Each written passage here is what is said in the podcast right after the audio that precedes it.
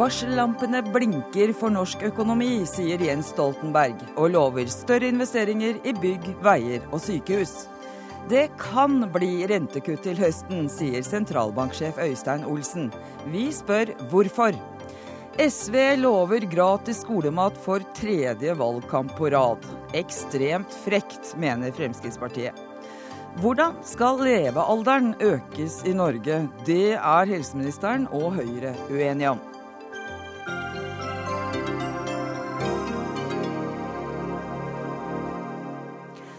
Det er noe av innholdet i denne torsdagsutgaven av Dagsnytt 18, der vi også tar debatten om Munch kan sammenlignes med Justin Bieber, og får besøk av de prisvinnende skuespillerne Lise Fjelstad og Birgitte Larsen. Vi ser tegn til at krisa i Europa slår mer inn i norsk økonomi enn tidligere. Det er noen varsellamper som blinker. Ja, det sa du på din halvårige pressekonferanse før sommerferien, statsminister Jens Stoltenberg. Velkommen. Takk. Eh, og du mener, du mener at du best kan lede landet unna denne økonomiske krisa. Hvorfor det? Fordi vi i åtte år har vist at vi kan føre en ansvarlig økonomisk politikk eh, som trygger bedriftene, trygger arbeidsplassene, og som har bidratt til at Norge har den laveste arbeidsløsheten i Europa.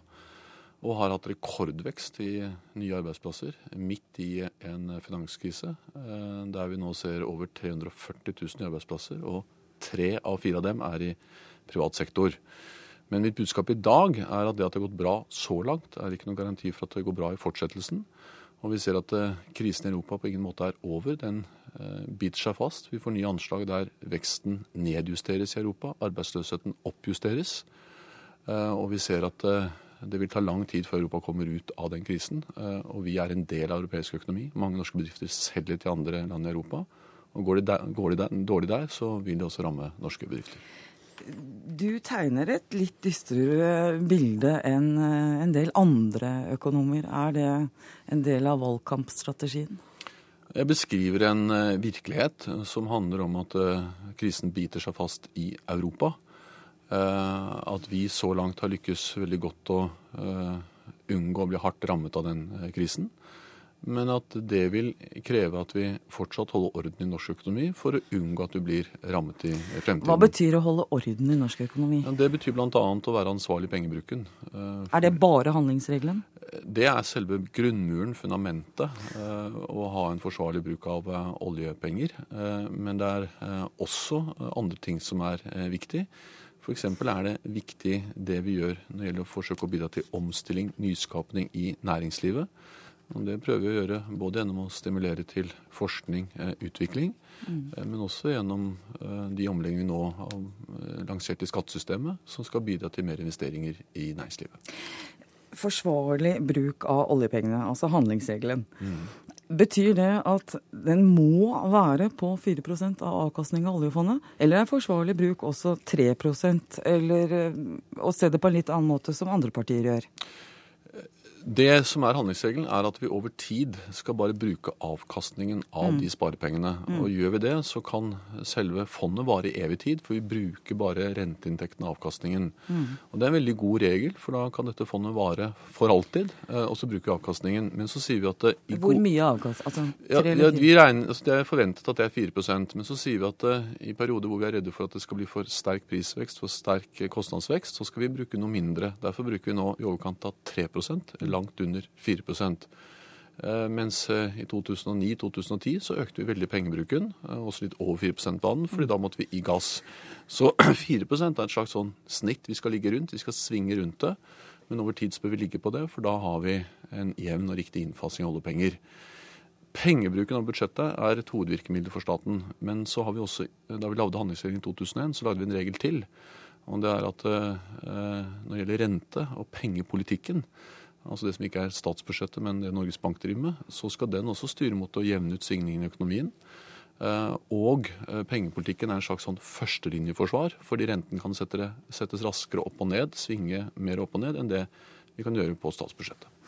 Eh, vi må nesten si fra hvorfor du har solbriller, statsminister Stoltenberg. Du kan, du kan si fra hvorfor. Altså jeg har, som det har stått i mange aviser, operert bort en føflekk på øyet. Det Det gjorde jeg i forgårs, og i går var det ganske vondt. I dag er det mye bedre. Men det er anstrengende med lys, så jeg prøver å beskytte øynene så mye som mulig. For det er litt som å ha et rusk på øyet, disse stingene som Så det er ikke det. annen lysskyhet som gjør at du ikke vil se meg og andre i øya? Overhodet ikke. Og jeg har hatt dem av flere ganger i dag. Men det er deilig jo mer jeg slipper å ha dem på. Ja. Skal selvfølgelig få ha dem på. Eh, du lovte i dag å bygge og investere i mer veier, jernbane og sykehus for å holde liv eh, bl.a. i bygg- og anleggsbransjen. Hvor store investeringer er det snakk om? Det er snakk om eh, milliarder, men jeg er litt opptatt av å understreke at innenfor en ansvarlig Det er litt upresist. Ja, men jeg tror ikke jeg skal være veldig mer presis nå fordi vi legger fram budsjettet. Men det jeg har varslet, er at innenfor det budsjettet, som skal holde seg innenfor ansvarlige rammer, så ønsker vi å bruke mer penger på investeringer. Mm. Både fordi vi ønsker å investere betydelig i samferdsel, eh, vei og bane. Mm. Eh, og fordi vi ønsker å legge til rette for mer investeringer i kunnskapsbygg. Det kommer nytt universitet på Ås. Det kommer høyskolebygg i Bergen og Trondheim. Mm. Eh, og eh, det kommer eh, mer penger til investeringer i sykehus. Og så benytter du enhver anledning til å fortelle at vi må ikke bruke for mye av oljepengene. Vi må holde oss til handlingsregelen. Da sier det seg sjøl at da må du bruke mindre på noe annet. Hva skal det gå utover? Altså, det er jo noe vekst i økonomien hvert eneste år. Så det jeg annonserer, er hvordan vi skal bruke den veksten. Det er, er, det derfor du ikke vil si hvor mange milliarder? Ja, fordi vi skal bestemme endelig budsjettet i august, eller august-september når vi sluttfører arbeidet med budsjettet. Eh, men det jeg varsler, er for det første at vi skal fortsette å følge eh, handlingsregelen, som er en veldig viktig mm. forutsetning for en god utvikling i norsk økonomi men også at vi skal vri retning av eh, enda mer investeringer. Eh, fordi vi ønsker mer sykehus, vi ønsker mer vei og bane. Vi skal ja. følge opp en nasjonal transportplan. Men da prøver jeg. Hva vrir dere da investeringene bort fra? Hva, Nei, vi, vi, kan jo si at det, vekst, det er en vekst. Altså, vi, skal vi bruke har, veksten? Vi har sånn i strøket, det varierer veldig fra år til år, men sånn jevnt over så har vi en 5-26 milliarder ekstra eh, hvert år. Mm. Men omtrent halvparten av det, eller mer enn halvparten av det, går jo med til pensjoner og befolkningsvekst. Mm. Så vi har gått under halvparten av det til disposisjon, men da bruker vi noe mer av det eh, til disse investeringene. Så det skal ikke gå utover annen pengebruk? Det blir ikke mindre til noe? Nei, men det blir mindre vekst eh, på andre formål. Eh, og det grunnleggende her er jo at de aller fleste land som har store inntekter fra olje og gass, de har ikke lykkes i å forvalte de inntektene på en god måte. De har skakkjørt økonomien. Det er den tunge historiske erfaringen gjennom mange hundre år fra mange land. Det kalles i fagbøkene noe som heter hollandsk syke, fordi Nederland misbrukte de store gassinntektene de hadde på 70-tallet, mm. og slet mange år med å komme seg ut av det uføret. Norge er blant de få der var det også, Unnskyld, der var det også snakk om for stor velferdsstat. Er det, Har vi det? Det er en del av Nei, jeg mener ikke at vi har det. Vi har jo nå siden 2005 hatt en veldig sterk vekst i, i norsk uh, sysselsetting totalt. Men nesten tre av fire nye arbeidsplasser har kommet i privat sektor. og Det betyr at vi har hatt en balansert utvikling. I den forstand at vi har hatt rom for vekst i offentlig sektor. Det trenger vi. Lærere, sykepleiere, forskere, mange andre yrkesgrupper. Eh, men det har blitt mer enn eh, balansert gjennom at vi også har hatt god vekst i private bedrifter. Men denne balanserte utviklingen den kommer ikke av seg selv. Det er ikke slik at oljen altså oljen er god å ha, den gir oss en fordel. Men det er ikke noen garanti for at alt går bra i norsk økonomi. Vi hadde oljepenger på 90-tallet, hadde vi bankkrise, finanskrise, høy ledighet med oljepenger. Så man må styre og forvalte disse mulighetene på en god måte. Kort eh, til slutt. Du, du, sa på pressekonferansen i dag at du er litt urolig overfor valget. Det ser jo ikke så godt ut på meningsmålingene. Litt mer konkret, hva er det du er urolig for? Så Jeg mener at hvis man går i en valgkamp og er helt rolig, da taper man helt sikkert. Så man skal være litt urolig. Og det er ingen tvil om at meningsmålingene viser jo nå at eh, vi ikke har flertall. Men, det er det du er urolig for? Ja, Eller samtidig så gleder jeg meg til valgkamp. For jeg vet at valgkamp det handler nettopp om at eh, den politiske temperaturen stiger. De politiske sakene kommer tydeligere fram. Mange politiske debatter. Forskjellene kommer fram. Og Jeg gleder meg til å snakke om både ansvarlighet i den økonomiske politikken. Jeg gleder meg til å snakke om viktigheten av å bruke penger på skole, på helse framfor skattekutt. Og jeg gleder meg ikke minst til å få fram politiske forskjeller. Da tar vi, eller du kan ta resten i, i debatt. Takk for at du kom, statsminister Jens Stoltenberg. Tusen takk.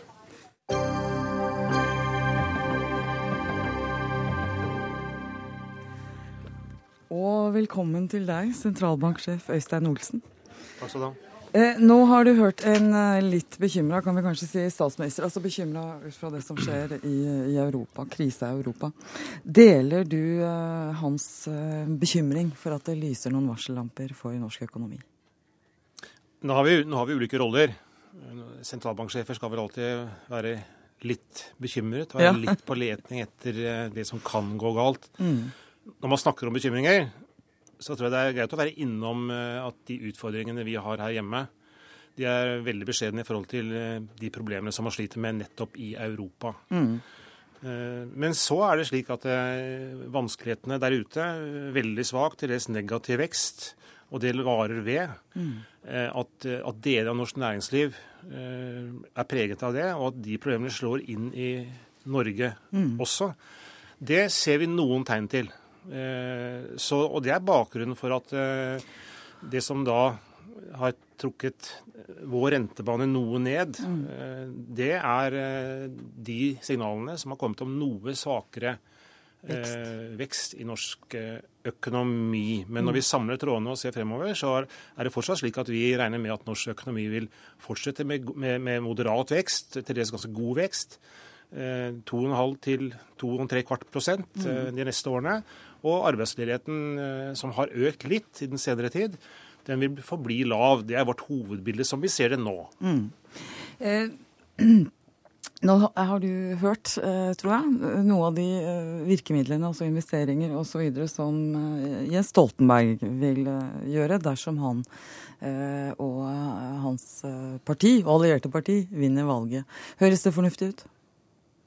Ja, nå kommenterer jo ikke jeg eh, utspill fra politikere, særlig på dette tidspunktet i et valgår. Men hvis jeg spør om det er fornuftig å investere i, eh, i bygg, anlegg eh, og, og jernbane og vei?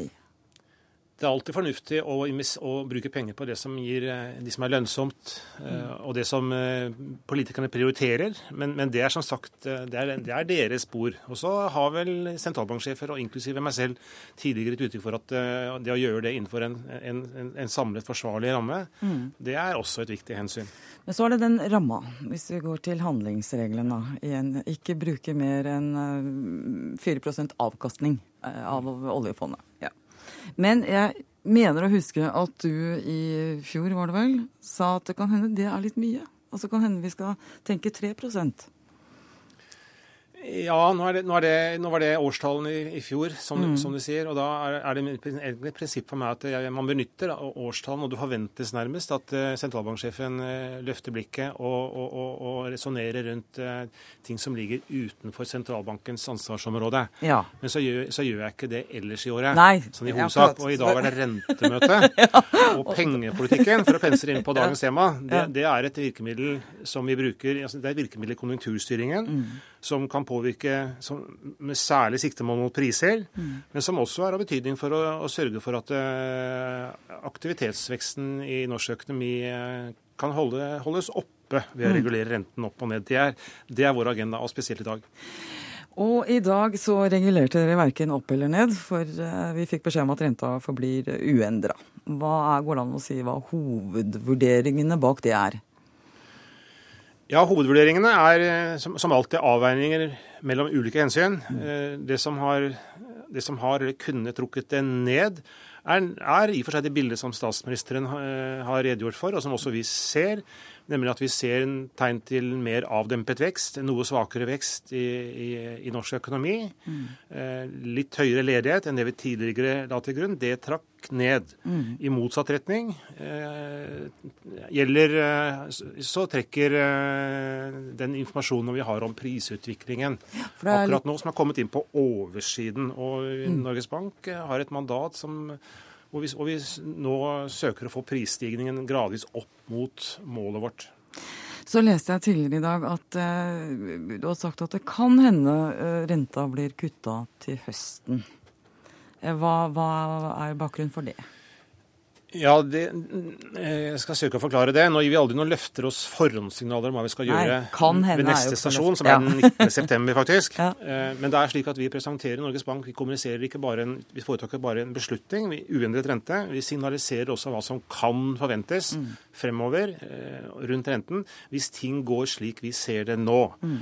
Den rentebanen som vi nå presenterer, den har en liten hengekøye eh, denne høsten. altså Den går litt ned. Mm. Eh, den går litt mer ned enn i mars. Eh, og tolkningen av det mm. er at hvis det går akkurat slik vi nå ser det, så er det om lag 50-50 sannsynlighet for at vi Det er like sannsynlig at vi setter renten ned som at vi holder den uendret. Akkurat. Det er tolkningen av den renteprognosen. 50-50. Er det det at en sier noe om hva som kan komme til å skje, også for at det skal være en forutsigbarhet for, det, er, for det, markedet? Ja. det er et viktig formål med å være fremoverskuende. I å gi signaler til markedet og offentligheten, publikum, om hva som kan være en forventet politikk fremover, Mm. gitt det bildet vi ser nå. Har du vært inne og sett på kronekursen i dag? Det har jeg, ja. Og da kan du fortelle lytterne og seerne hva som har skjedd. Det har gått svekka seg litt, har den ikke det?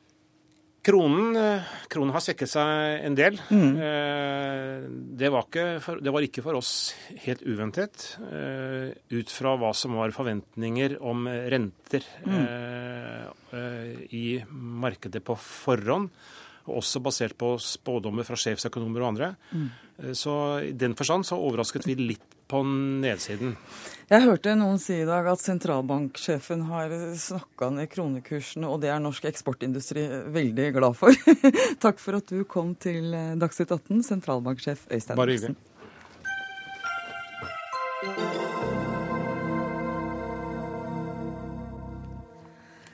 Han er en av verdens eh, mest leste forskere de siste 20 åra.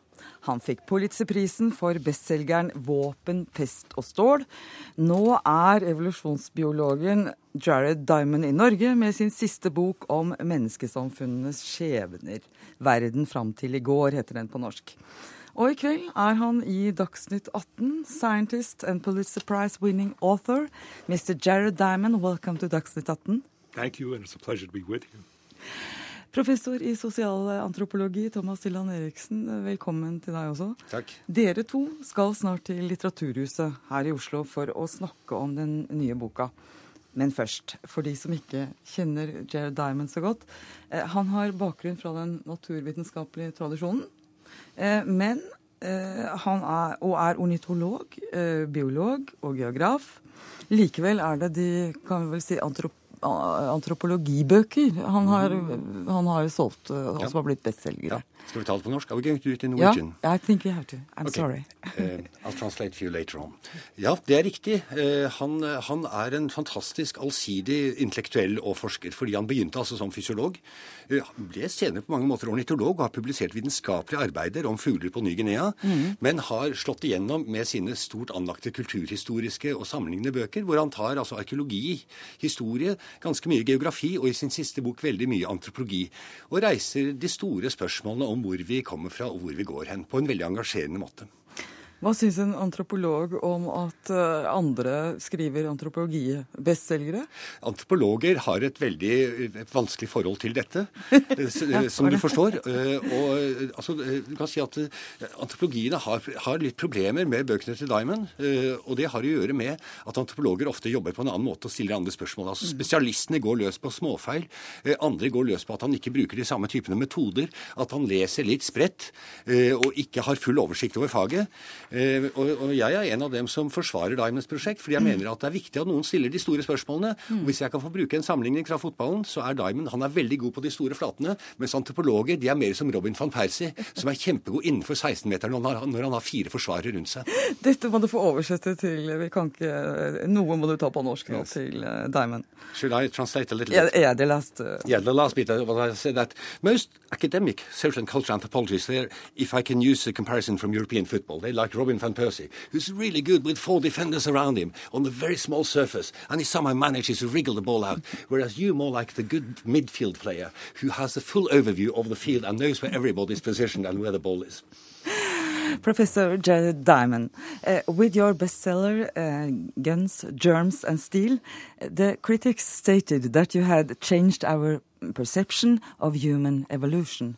Uh, the book that also gave you the Pulitzer Prize. Congratulations. Uh, what does the book explain? The book explains why history turned out differently for people of different continents. So, why is it that here we are now in Norway um, speaking between people of European background, whereas in the United States now, where 500 years ago everybody was Native American, if we were having this conversation, they would again be predominantly people of European background. Why was it that Europeans conquered North America and South America and Australia rather than Africans conquering Europe? So Guns, Germs, and Steel is about why history turned out differently over the last 11,000 years for people of different continents. It's big history. It's history on a continental level over a long time scale. The book created controversy uh, when it was published in uh, 97. How come? Actually, the book created remarkably little controversy. there is there is some controversy. Um, the controversy has come from people whom I would describe as racists who believe that European conquered the world because Europeans have superior intelligence. No evidence for it. Um, the book all some criticism came from people that I would describe as ultra liberals who just feel uncomfortable with even discussing why some people conquered other people. But for the most part, the book has received wide interest and critical acceptance in, gosh, 38 countries. Um, Norwegian is the most recent language into which it's been translated. Mm-hmm. And I think the reason that it's achieved wide acceptance is that everybody knows that history turned out differently for different people. And the explanation in my book about what happened over the last 10,000 years is basically correct. 10,000 years. Ilan Eriksen, den boka har du lest. Hva er ditt syn på eh, diskusjonen? Jeg er ganske begeistret for den. Mm. Fordi jeg mener at den stimulerer nysgjerrigheten. Altså Diamond begir seg inn i dette feltet med stor appetitt på kunnskap og forståelse selv, og den smitter over på leseren, slik at leseren også får lyst til å finne ut mer. For det finnes jo andre bøker som tar for seg det samme temaet, men de er tørre og mer akademisk skrevet. Men kanskje leseren da vil gå videre til dem neste gang. Uh, Mr. Uh, Diamond, uh, in your latest book, The World Until Yesterday, you write that in some areas human beings have actually evol evolved in a negative direction. In what way?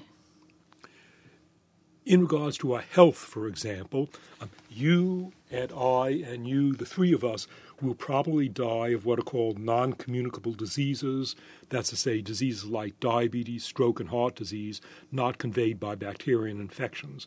And yet, until a few thousand years ago, and still today in New Guinea, nobody died of these non communicable diseases. There's something about the traditional lifestyle that protects people against dying of these diseases that will kill all of us. So that's an example of how there are things that we can learn from traditional societies that would be useful to us, namely how not to die of non communicable diseases. Useful in what way? Useful in living until age 95 healthy and with a good life rather than dying at age 72 of a heart attack. Isn't that good? That's good. Or dying at the age of 32 of a poisoned arrow, you might say. That's right. There are things that we have gained. Um, we do not, we are much less likely in modern society to die a violent death. We're much less likely to die of an infectious disease.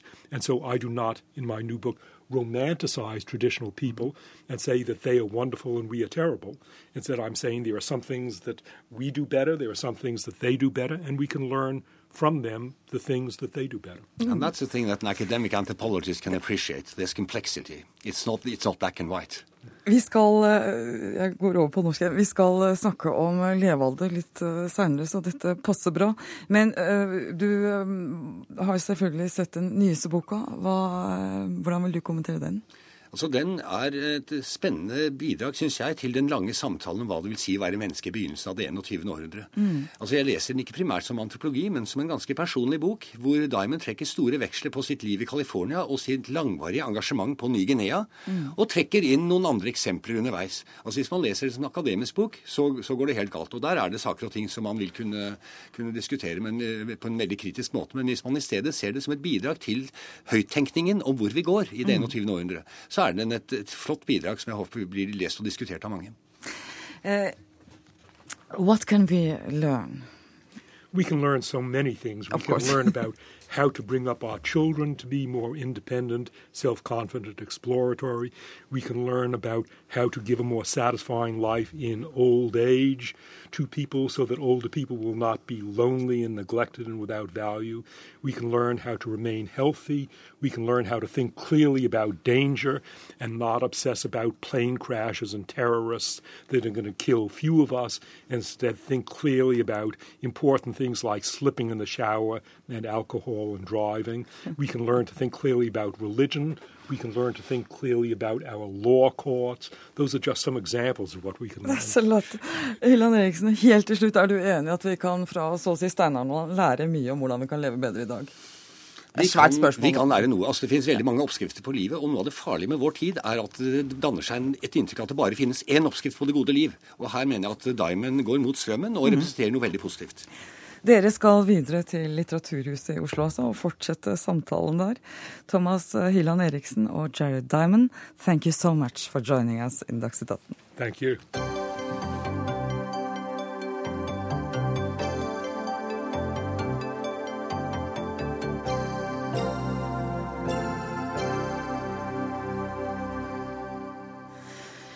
SV lover nok en gang skolemat til grunnskoleelevene. Og denne, gang, denne, gangen skal det bli noe av, og SV sier det skal koste rundt 2,5 milliarder kroner. Ekstremt frekt av SV og respektløst overfor velgerne, sier du, Mette Hanekamhaug, medlem av Stortingets utdanningskomité for Fremskrittspartiet. Hvorfor er det frekt? Eh, vi mener det fordi at dette er med på å villede velgerne. Eh, SV har lovt eh, gratis skolemat og hatt dette nesten som en fanesak og viktigste kampsak nå i åtte år. Og etter å ha sittet i en flertallsregjering med makt i alle disse åtte årene, så er det ganske spesielt og litt frekt overfor velgerne å nå påstå igjen for tredje gang at dette er noe som blir en realitet med SV. Og det er med på å forlede velgerne til å tro at dersom de bare stemmer på SV igjen, så blir det skolemat denne gangen. Og det er lite som tyder på at størrelsesforholdet mellom Arbeiderpartiet og SV kommer til å endre seg i den grad at dette faktisk blir en realitet denne gangen.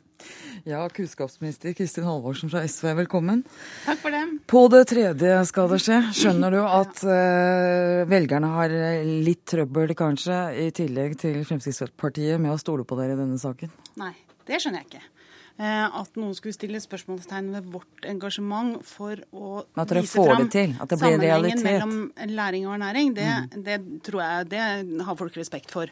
Det som er en annen situasjon nå enn for åtte år siden, det er jo at stadig flere er enige med oss Eh, stadig flere som eh, jobber med dette forskningsmessig, kan dokumentere god sammenheng med dette. Og vi vet at det er utrolig viktig at unger har gode matvaner med seg i forhold til folkehelse eh, framover. Så tida jobber for skolematen. Og så er det jo sånn at ingen partier aleine dikterer hva et flertall på Stortinget eller et flertall i en regjering skal gjøre. Men vi ser nå nettopp fordi at stadig flere blir enige med oss, at det var på tide at vi la fram en nytt forslag til modell for hvordan dette skulle gjennomføres. Eh, og da mener vi at det vi først må sørge for, det er at alle elever får frukt og grønt på skolen. I dag er det ungdomsskoleelever og de skolene som har ungdomsskoletrinn, som får det.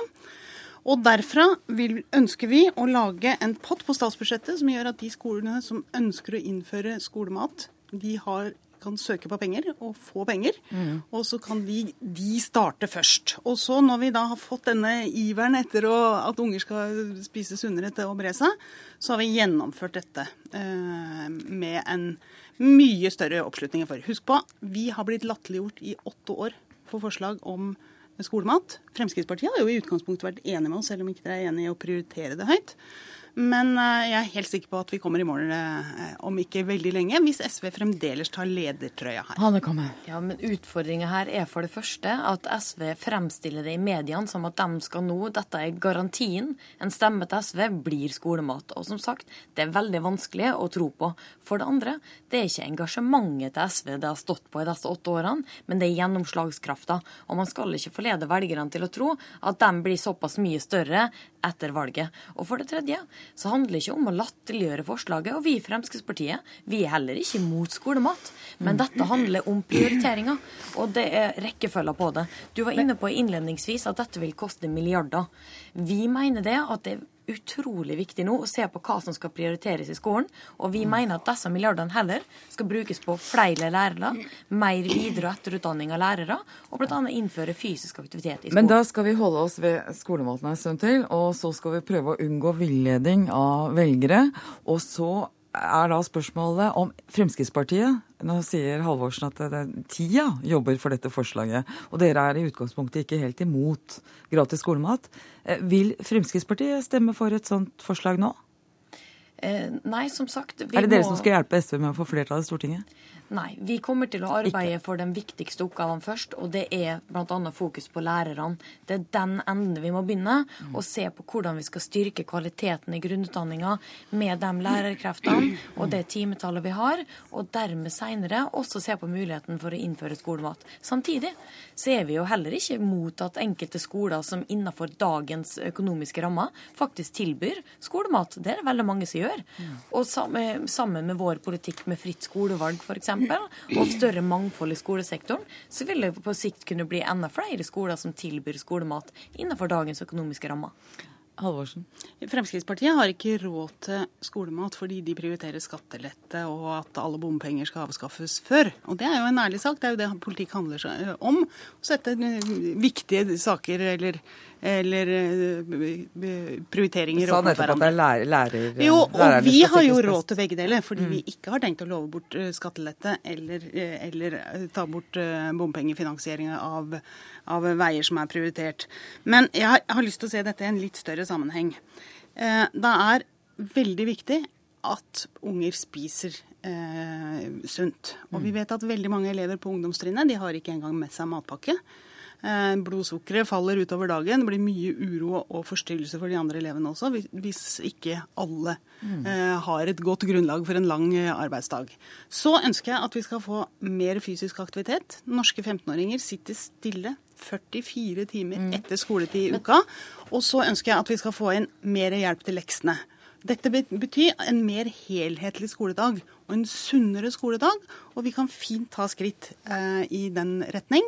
Og nå merker jeg til min glede at stadig flere blir enige med oss. Vi kan utjevne sosiale uh, forskjeller. Mm. Ernæringsfysiologer er på banen. Dette kan ikke ta kan hele punktet på partiprogrammet, men han kan meg.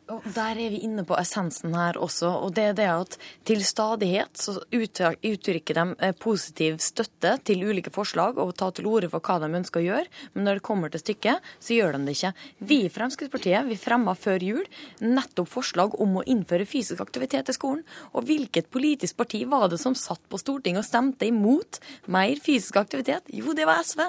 Og det er nettopp det og her òg, når det kommer til at man snakker om eh, at nå er tida inne for skolemat, og stadig flere blir enige. Men vi har en flertallsregjering, vi, som har flere, eh, som flere viktige saker i skolen. F.eks. elleve måneders studiestøtte eller fysisk aktivitet. Der har alle tre politiske partier som sier til velgerne at dette er de for. Dette ønsker de å kjempe for. Men når det kommer til stykket, så har de på åtte år ikke gjennomført det, og ikke har gjort det. Og da er det veldig vanskelig å se hvordan de har klart å forhandle bort et politisk poeng som alle tre sier til velgerne at de egentlig er enig med. Men Kristin Halvorsen, for å ta det først, Hvorfor stemte dere mot forslaget til Fremskrittspartiet om mer fysisk aktivitet? Fordi, fordi det, det kom koster, fra Fremskrittspartiet? Nei, fordi det koster penger. Eh, sånn og der er vi inne på prioriteringa igjen? Nei, men dere hadde ikke et forslag om penger som fulgte med. Eh, og hvis vi skal innføre fysisk aktivitet i skolen, så må vi ha kompetente mennesker til å stå for det. Og det er noen timer der. Så det har en regning som henger med. Vi har innført Kunne ikke stemme for det nå, men skal ta Nei, men det dette her henger Vi kan ikke lure skolene. Vi må, vi må sende pengene med i det øyeblikket vi pålegger dem å gjennomføre tiltak. Og det har vi gjort når det gjelder fysisk aktivitet fra 5. til 7. trinn. Og jeg ønsker jo Fremskrittspartiet absolutt lykke til med å foreslå penger og sende de pengene til skolene, sånn at de faktisk kan gjennomføre det. For det er utrolig viktig at de ikke bare får nye oppgaver på toppen. Jeg er helt sikker på at Og, SV har fått gjennomslag for mange saker der vi gikk alene først. Og der vi blei latterliggjort og hengt ut og Det er ingen her nå som har latterliggjort? Nei, men skolematen Alle husker jo historien til skolematen. Det er et sånt eksempel. Mm. Og nå merker jeg at stadig flere får øynene opp for at vi sender ikke hjerner alene på skolen, vi sender hele unger. Eh, de skal både røre på seg og spise sunt. Jo, men det betyr at vi kan tenke annerledes rundt hvordan vi mm. lager en helhetlig skoledag. Og da tar vi ledertrøya på nytt, og så får vi det til. Vær så god. Ja, og som sagt, det er veldig vanskelig å, ha, å finne troverdighet i det forslaget. Eh, og hadde man virkelig ønske, meint det man satt og sa, og hadde man virkelig ønska å få til en endring, så tror jeg det at de hadde fått det til tidligere. Vi ser nå at størrelsesforholdet mellom SV og Arbeiderpartiet kommer nok ikke til å endre seg. Flertallsregjeringa kommer ikke til å styrke seg, og dette blir å forlede velgerne ved å tro at en stemme på SV gir skolemat. Takk skal du ha, Mette Hanekamp her, og takk til kunnskapsminister Kristin Halvorsen. Takk skal dere ha. Hør Dagsnytt 18 når du vil, på nettradio eller som podkast. nrk.no dagsnytt 18.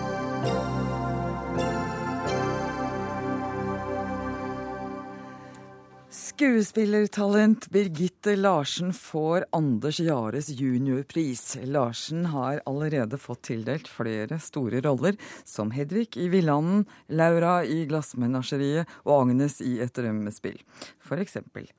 Tidligere i år så ble det kjent at Lise Fjelstad får Anders Jares ærespris.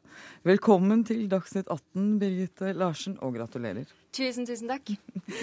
Det var altså æresprisvinneren sjøl, Lise Fjelstad, som ville at du skulle ha juniorprisen. Mm. Og det var selvfølgelig juryen aldeles enig i.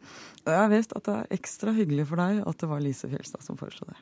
Ja, det er det. Jeg har et spesielt forhold til eh, Lise Fjelstad.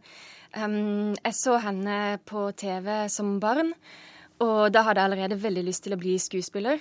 Uh, og jeg så henne i NRK-produksjoner, og jeg syns at hun var helt uh, spesiell. Hun sto jo ut med litt sånn um, Ja, nesten som en sånn dronning. Um, så jeg tenkte at uh, hun der, hun hun må jeg spørre om um, hvordan jeg kan Eller hun kan hjelpe meg, tenkte jeg. så jeg skrev et brev til henne hvor jeg spurte litt sånn Hvordan kan jeg bli skuespiller? Og litt uh, tips og råd. Og jeg fikk et veldig fint svar, eh, som eh, gjorde at jeg følte liksom allerede at jeg var litt i gang, da. Eh, hvordan var det da å få brev fra Lise Fjelstad, som du beundra så sterkt, eh, i postkassa? Nei, det var veldig stort. Det var et veldig flott kort med bilde av eh, Lise og foto, autograf. Og, og, med noen gode råd som jeg har fulgt. Velkommen, skuespiller Lise Fjelstad, og gratulerer, må jeg også få si, med Anders Gjæres ærespris. Husker du dette brevet? Nei, jeg gjør ikke det. Nei.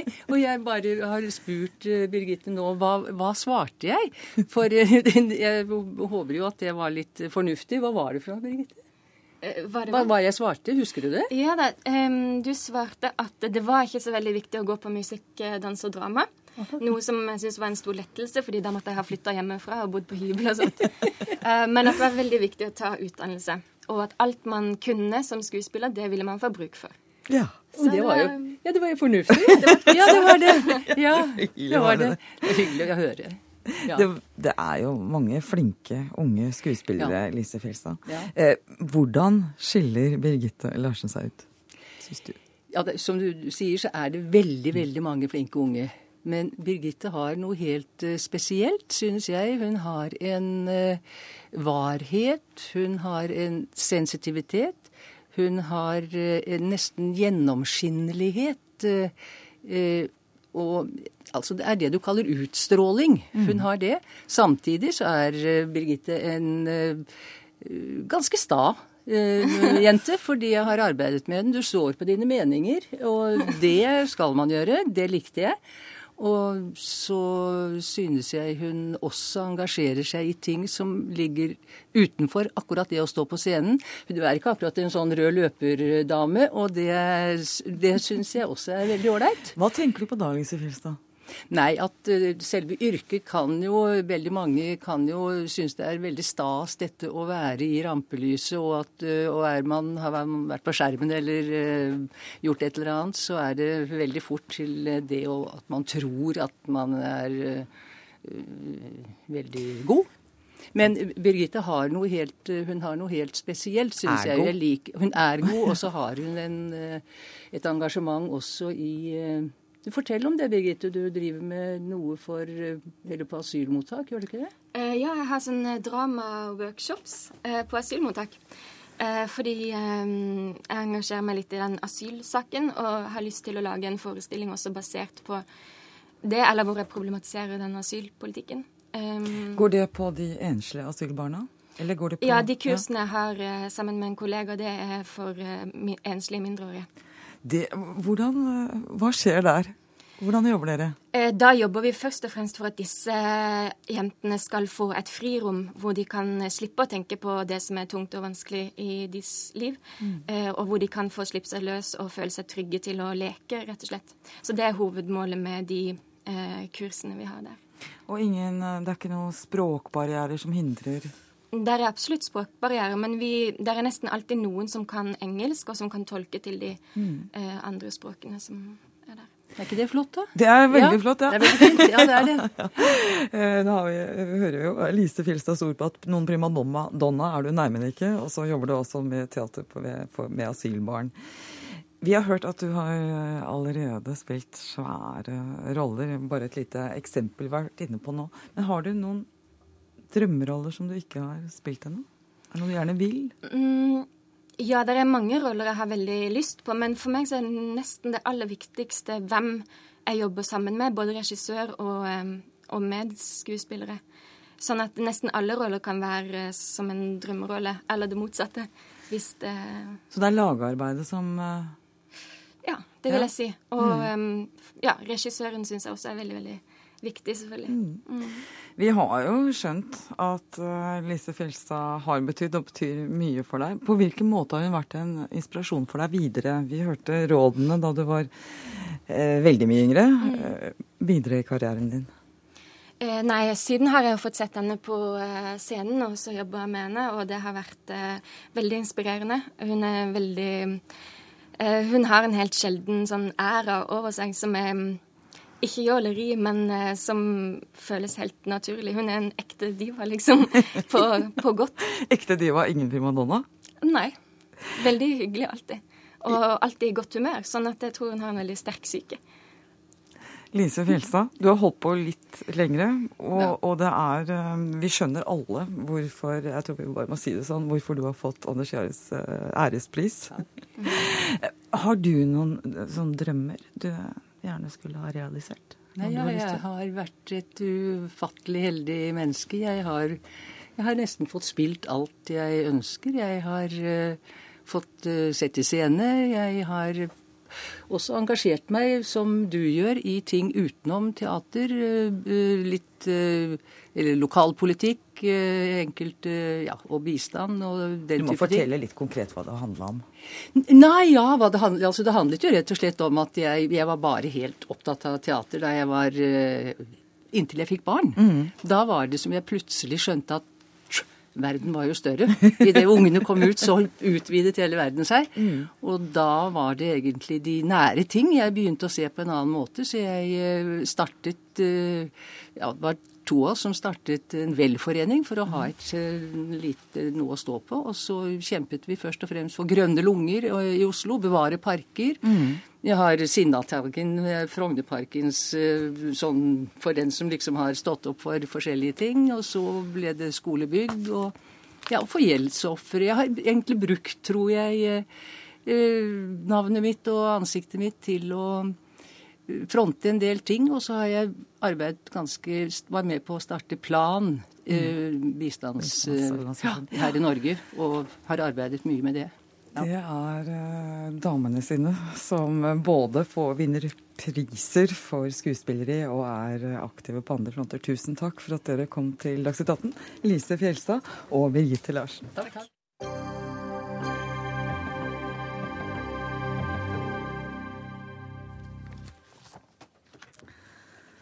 Norge skal være et av de tre landene i verden med høyest levealder. Det er et av de tre hovedmålene i folkehelsemeldinga, som ble debattert i Stortinget i dag. I dag ligger Norge på tiendeplass når det gjelder levealder. Og de to andre hovedmålene er å redusere helseforskjeller og skape et samfunn som fremmer helse i hele befolkningen. Og helseminister Jonas Gahr Støre, hvorfor skal Norge være blant de tre landene som har høyest levealder? Altså, Det er ikke en idrettskonkurranse, dette. og jeg, eh, jeg har liksom Det høres litt sånn Ja, jeg, jeg, hører det kan gjøres det, men det er på en måte å illustrere at vi var der på 50-tallet. Mm. Da var vi nesten det landet hvor folk levde lengst. Og det at det har gått noen forbi oss, kunne vi jo sportslig sett si at det kan vi glede oss over. Men vi har noen utfordringer i Norge. En av grunnene til at vi henger etter her, er at vi har eh, dødelighet blant menn i 20-årene. Eh, vi har eh, utvikling i ulike, ulikheter i sosiale eh, forhold knyttet til helse. Slik at det målet er noe vi kan sette som en sånn stjerne litt fremover og strekke oss mot. Og så vet vi at det er ikke en enkel bryter å trykke på for å nå det målet. Og det denne meldingen har handlet om, eh, folkehelsemeldingen, og debatten i Stortinget egentlig med ganske bredt flertall, er at dette krever innsats på veldig mange nivåer. Og folkehelse var noe av det som løftet Norge i, på 1800-tallet til å kunne vokse inn til å bli et velferdssamfunn, og jeg tror det også er en oppskrift for det 21. århundre. Nå har vi, jeg vet ikke om du hørte det, men vi har hatt en uh, prisvinnende forfatter her som har snakka om at vi har ting å lære fra steinalderen nesten når det gjelder levesett og Hørte du det? Ja, jeg, jeg hørte ja. bilen opp her. Jo, jo, men uh, ja, ja, jeg ja. hørte det. Nei, for det noen lurer litt på, er det, er, hva ligger av moralisme i dette her? Er det sånn at vi nå, for han var jo inne på disse livsstilssykdommene som vi kan unngå hvis vi henter litt fra, fra steinalderen. Skal vi liksom slutte å røyke, slutte å drikke, løpe mer, spise grønt? Slutte å røyke. Det er helt klart uh, klokt. Uh, ikke begynne er det aller viktigste, tror jeg. Uh, men vi treffer, en, vi, treffer en, linje her mellom de individuelle ansvar og fellesskapsansvaret, mm. som hele tiden må diskuteres. Og jeg opplevde at i Stortinget i dag, så er ikke det nå veldig kontroversielt. Jeg tror liksom at det at vi skal ha lover og regler på en del områder, ja. Men så er dette mer og mer et individuelt ansvar også, fordi at vi, vi spiser og vi beveger oss. Men jeg vil jo si at vitsen med å være et samfunn er at vi har ansvar sammen. Og Derfor er dette med å legge til rette for at du tar de gode valgene, at alle får muligheten til å ta de gode valgene. Det ser vi jo med de sosiale ulikhetene i helse. Mm. At uh, de kan være greie på papiret, men det er ikke alltid lagt til rette for det. Derfor så trenger vi også politikk for det. Eh, helse, helsepolitisk talsmann i Høyre heter det. Bent Høie, velkommen. Eh, dere er enig i mye i denne meldinga. Eh, da kan vel Jonas Gahr Støre fortsette i fire år til da, som ansvarlig for helse til landet, eller? Nei, altså det, Dette er et område der det er ganske bred politisk enighet. Jeg refererte jo i mitt innlegg i dag til at nå har det gått ti år mellom hver gang Stortinget har behandla en stortingsmelding om folkehelse. Og jeg syns det var interessant å gå tilbake igjen og se på den stortingsmeldingen 'Resepten for et sunnere Norge' som sentrum Høyre-regjeringen la fram for ti år siden. Mm. Og jeg mener at det som slår en, er jo likheten mellom disse to eh, stortingsmeldingene. Og på målsettingene og, og, og, virkemidlene. Så, og det er, jo, det er, jo, positivt. Det Er jo ikke sånn at... Er du enig om virkemidlene også? På en del av områdene så skiller vi lag på, på enkelte områder. La oss ta det. En, en, en, del av den debatten som dere hadde her tidligere mellom SV og Fremskrittspartiet, er jo et av de områdene. fordi Høyre mener jo at eh, skolen er veldig viktig i folkehelsearbeidet. Men det vi ser er jo at den sosiale ulikheten i helse er jo veldig sterkt knytta til utdanningsnivå og deltakelse i arbeidslivet. Da er det viktigste vi kan gjøre for folkehelsen i skolen, det handler om eh, lærerens eh, kompetanse. Og Da blir jeg veldig bekymra når utdanningsministeren sier at hennes neste skolereform handler om maten i skolen. Du, eh, For da tror jeg at de store pengene fra staten Men jeg må spørre deg, ja. hvis jeg ikke misforstår deg nå, sier du det at dess bedre utdanning vi får, dess bedre helse har vi? Ja, det er helt riktig. Ja. At, eh, at, vi ser at en av hovedforklaringene på sosial ulikhet i, i, helse er utdanningsnivå. Så de som ikke har, eh, som det ble sagt i gamle dager, anlegg eller mulighet til å ta høyere utdannelse, de risikerer altså lavere, dårligere helse? Er det så klare sammenhenger? Altså Det som vi ser, det er jo at selv om alle som samfunn har fått lengre levealder i årene som har gått, så ser vi at de som har utdanning, uh, tar på en måte rykket ifra. Mm, ja. og det er, tror jeg handler òg mye om deltakelse i arbeidslivet.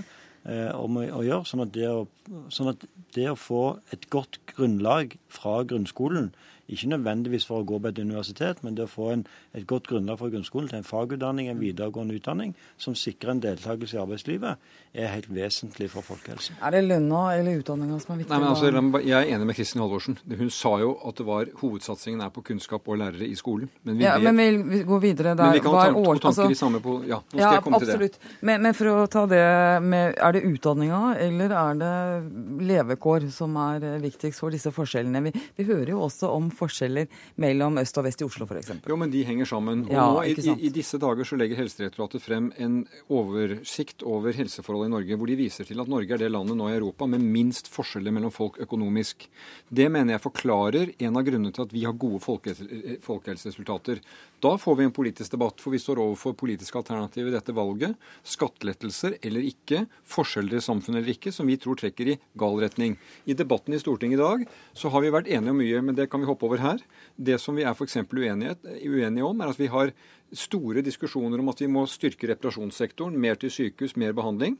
Og Samtidig møter vi et Fremskrittsparti som vil ha fritt på alkohol, fritt på røyk, eh, fritt på solarium som fører til føflekkskreft. Altså alle de tiltakene hvor vi altså må ramme inn for å gjøre gode valg mulige, der er det uh, forskjeller i holdning. Og jeg tror at det spesielle med folkehelse er at de, svarene ligger utenfor helsesektoren. Det ligger i måten vi organiserer samfunnet på, forskjellene mellom oss, og adgangen til utdanning, som er et viktig område.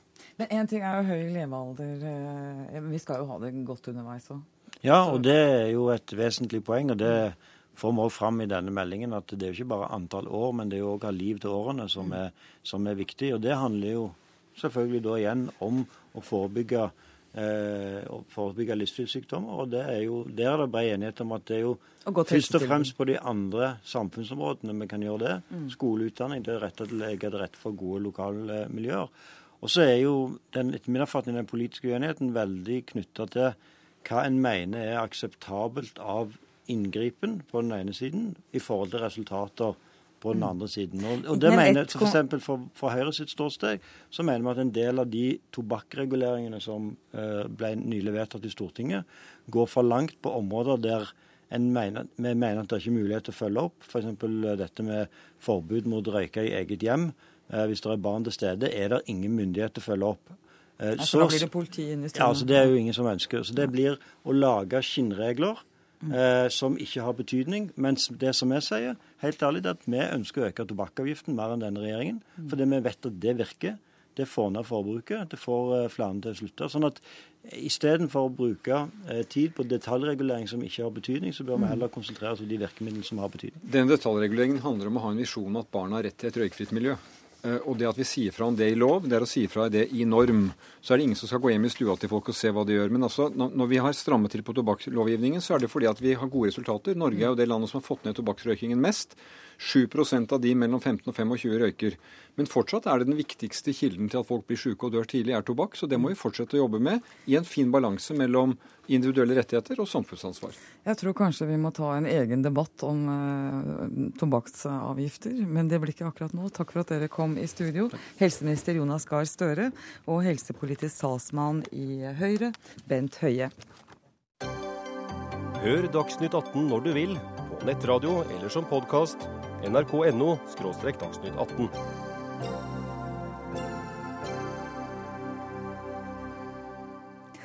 Den store Munch-hypen overskygger andre norske kunstnere. Det mener samtidskunstneren Leonard Ricardsen, som i dagens Klassekampen kaller Munch-hysteriet for et Justin Bieber-fenomen. Og kunstner Leonard Ricardsen Du må si Leonard Ricard. Ricard, unnskyld. En gang til, ta navnet. Leonard Ricard. Ricard, hva er dette for noe? Beklager, Ricard. Hvilke likhetstegn ser du mellom Munch og, og dette Bieber-fenomenet? Vi skal si for de som ikke er så inne i Bieber, at det er en sånn ungdomsidol som får veldig mange til å skrike og rive ned gjerder og ja. Ja, altså når dette Skrik, den lille pastellen av Skrik, går for 687 millioner kroner på en auksjon i New York, da har man på en måte mistet alle kunstneriske relasjoner. Altså Da har man dratt ut i en slags eh, popkultur, og man kan lett trekke inn eh, dette Bieber-hysteriet. Jeg syns det er naturlig. Mm.